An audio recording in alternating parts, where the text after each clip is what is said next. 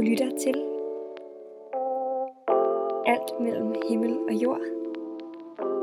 En podcast produceret af Rungsted Gymnasium. Alt mellem himmel og jord podcasten lavet til dig, der går i 9.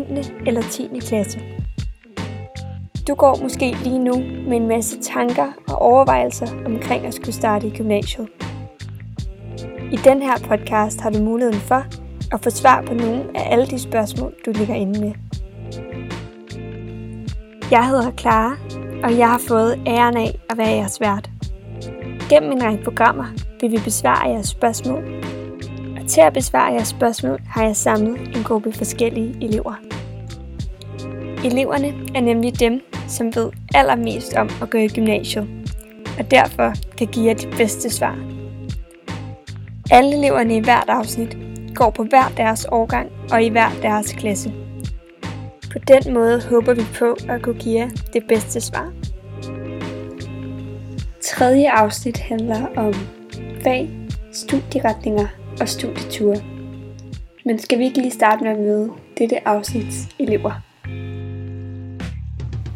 Så Mathilde, vil du ikke lige starte med at præsentere dig selv? Øhm, jo, det vil jeg i hvert fald. Jeg hedder Mathilde, og jeg går i første M. Og før jeg startede på Rungsted Gymnasie, der gik jeg på en efterskole, der hed Sports Efterskolen Lund. Og der gik jeg på danselinjen. Dejligt. Og Anna? Jeg hedder Anna, og jeg går i 2V. Og jeg har Global Science som en studieretning, hvor kemi og fysik er hovedfagene. Udover det, så har vi henholdsvis historie og kemi på engelsk.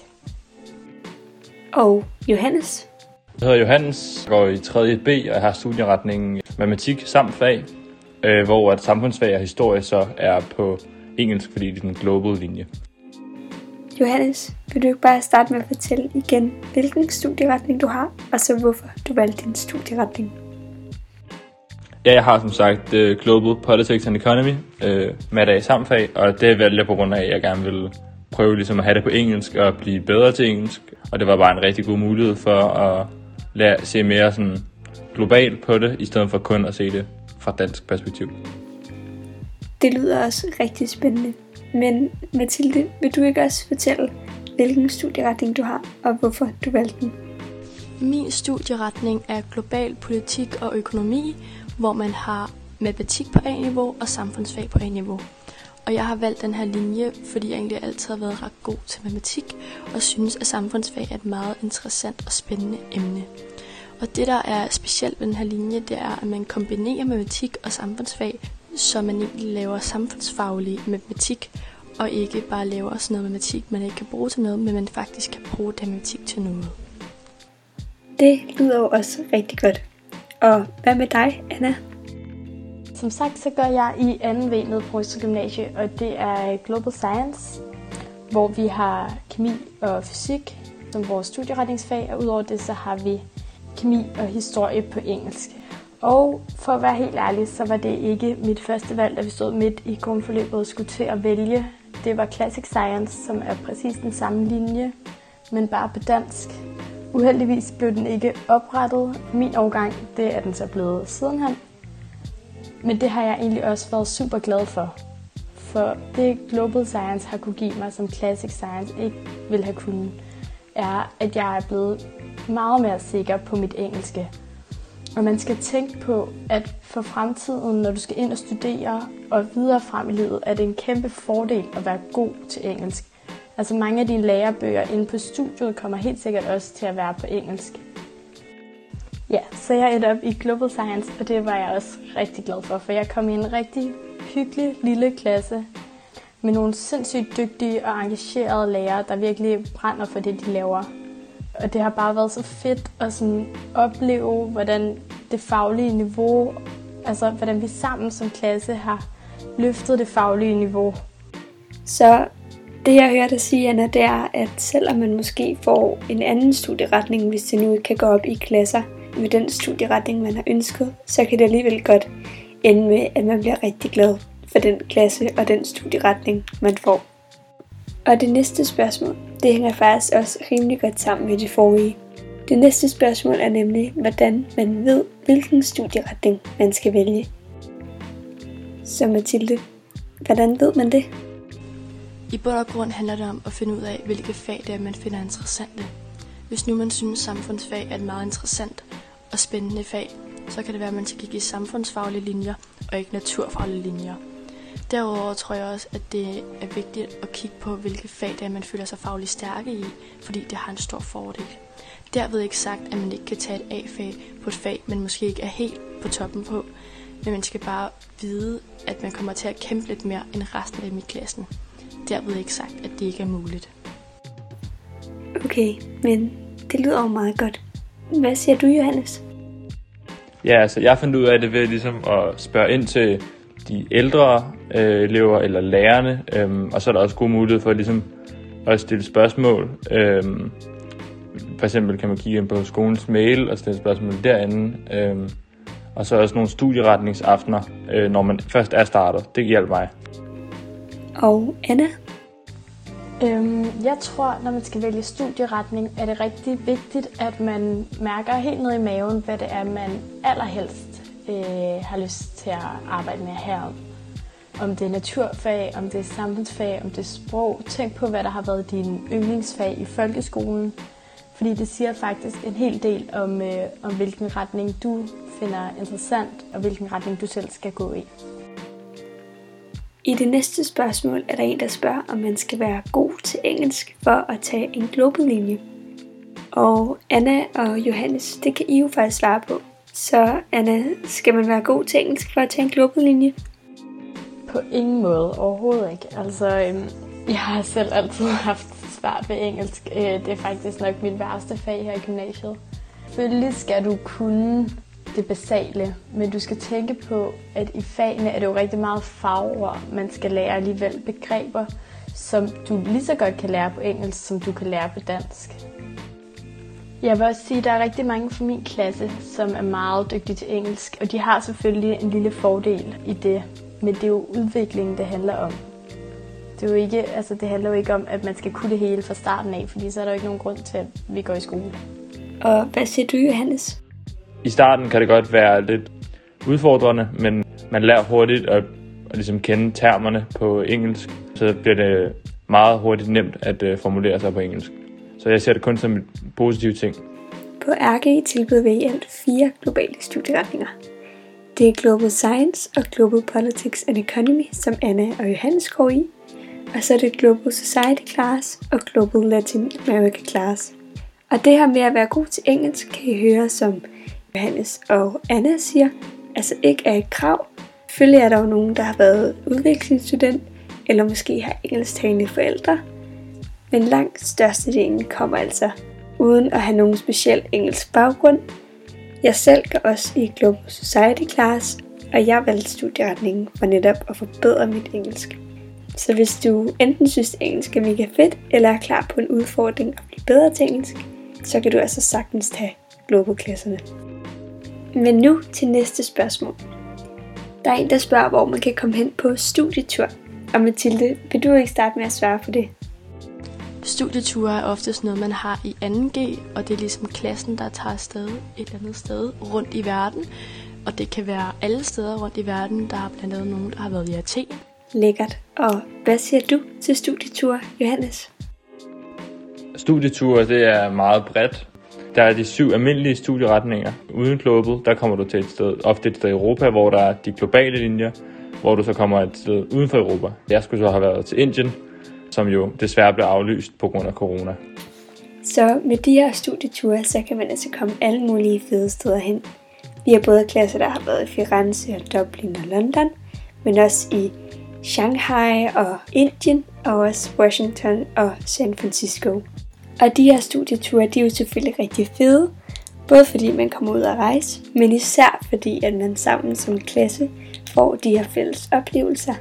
Og det er altid sjovt at rejse i en stor fælles gruppe og ud og opleve verden. Det næste spørgsmål er, om man skal vide, hvilken studieretning man gerne vil have, inden man starter. Og Anna, vil du ikke starte med at svare på det? Nej, det behøver du overhovedet ikke. Jeg vidste ikke selv, da jeg startede på gymnasiet. Jeg havde nok en idé om, at det var noget med naturfag. Men i grundforløbet, der har de jo et helt forløb om de forskellige studieretninger. Man har et par dage, hvor man får lov at opleve studieretningerne, som de er, og snakke med nogen for de forskellige studieretninger, og stille alle de spørgsmål, man kunne have. Fedt. Og så er der en, der spørger her, om man godt kan skifte studieretning, hvis det nu er. Og Mathilde, kan man det? Man kommer ud i sine studieretninger i november, oftest den 1. november. Og så har Rungsted Gymnasie faktisk et princip med, at man først kan skifte sin retning i december. Og det har de, fordi de gerne vil have, at man ligesom lige skal lære klassen at kende, og lige have fagene et par gange, og se om det egentlig ikke godt kan fungere, om det ikke godt, egentlig ikke er en meget god klasse alligevel. Efter december kan man godt skifte klassen, hvis nu man har nogle problemer, eller hvis nu man ikke synes, det fungerer, eller hvis det overhovedet ikke er den linje, man vil have, så kan man godt gøre det efter december, men først efter december. Og det giver måske god nok mening, men hvad siger du til det med at skifte studieretning, Anna? Ja, altså det kan du som regel godt, vil jeg sige. Øh, jeg har oplevet flere, som har fået lov at skifte studieretning, men det er selvfølgelig helt op til ledelsen, om der er mulighed for det eller ej. Der er jo også nogle klasser, der er fyldte, altså hvis der må højst være 32 elever i en klasse. Så det kommer lidt an på det, vil jeg sige. Jeg vil nok heller ikke anbefale, at du skifter alt for sent i, øh, i forløbet. Så skal det nok være inden for det første halve år i, i din nye klasse. For hvis det er nogle helt andre fag, de har nogle andre niveauer, så kan man hurtigt komme bagud øh, og misse en masse af pensum. Og lige præcis det her med de her niveauer, det passer faktisk til det næste spørgsmål. Der er en, der spørger, hvad A, B og C niveau er. Johannes, vil du ikke starte med at forklare det? A, B og C-niveau viser noget om, hvor lang tid man har faget. Så hvis man har et C-niveau-fag, så har man det i et år, og et B-niveau-fag to år, og til sidst et A-niveau-fag, det har man alle tre år. Og det fortæller også noget om, at A-niveau er sværere end C-niveau. Det næste spørgsmål, det er det her med, hvordan sprogfag og valgfag fungerer. Så Mathilde, vil du forklare det? Jeg har blandt andet tysk og design, og det har jeg med elever fra hele første G årgang. Det vil sige for alle linjerne, hvilket jeg synes fungerer rigtig godt, fordi så kan man ligesom lære mange flere elever at kende, end bare dem fra sin egen klasse. Så det synes jeg er et virkelig fedt koncept, de har. Og Anna, hvad siger du til sprogfag og valgfag? På gymnasiet, der kan man jo meget høj grad selv vælge de fag, man gerne vil have. Og sådan er det selvfølgelig også med valgfag og sprog. Når vi taler sprog, så kan man enten vælge tysk fortsætter eller fransk fortsætter, ellers kan man vælge spansk begynder. Og spansk begynder er altså et A-fag, man har i alle tre år i gymnasiet, hvor tysk og fransk har man kun i to år. Og i 3.G, der er har valgt fag et C-fag, man kan vælge. Det kan både være fag som filosofi, eller erhvervsøkonomi, innovation, eller psykologi, og også en masse andre fag. Hvis du har en naturfaglig linje, så kan du også vælge at tage nogle naturfaglige fag på C-niveau. Det kan fx være biologi eller naturgeografi, men ellers så kan man altså også hæve et af sine C-fag til B-fag. Og det ved jeg blandt andet, at du har gjort, Anna, så vil du ikke fortælle lidt om det? Blandt andet har jeg valgt at hæve idræt til B, øhm, hvilket betyder, at man får en masse idræt i 3G. Altså har man både idræt C, som er et C-niveau-fag, der spreder sig over alle tre år, og idræt B ud over det. Og det sidste, vi skal høre om, det er bare, hvis I har nogle gode råd, som I vil give videre til dem, som skal starte i gymnasiet. Johannes, vil du ikke starte? Mit bedste råd, hvis man starter i gymnasiet, det er bare at springe ud i det. Det gør ikke noget, man ikke kender nogen venner i starten. Man får det hurtigt. Jeg selv var på efterskole, og øh, jeg lærte en masse nye mennesker at kende, snart jeg startede i gymnasiet. Dejligt. Og Mathilde? Mit bedste råd er egentlig bare at være åben, og så bare snakke med folk. For så får man altså en meget federe tid, hvis man er en åben person. Så skal det nok blive tre fede år. Og Anna, vil du give det sidste råd med videre?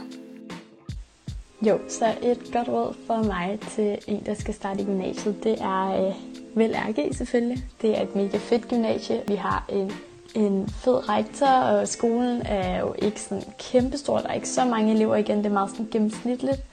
Men vi har et sindssygt godt sammenhold og en masse udvalg, og folk er vildt engagerede og tager initiativ. Og det synes jeg bare er mega fedt. Udover det, så øh, tror jeg, at det er vigtigt, at man holder modet oppe, når man starter i gymnasiet. Der er slet ikke noget at være bange for. Det er klart, at den første dag, der er man lidt nervøs for at møde en masse nye mennesker, og der er så mange, man ikke kender, og det kan godt være lidt intimiderende det hele. Men der er slet ikke noget at være bange for, og det bliver en, du får en super god tid, ligegyldigt hvad. Det synes jeg alt sammen lyder rigtig godt. Og det var faktisk også alle spørgsmålene for det her afsnit. Så vi håber, at du kunne bruge svarene til noget. Og hvis du stadig sidder med nogle spørgsmål derhjemme, så er du altså meget velkommen til at skrive til os på vores sociale medier.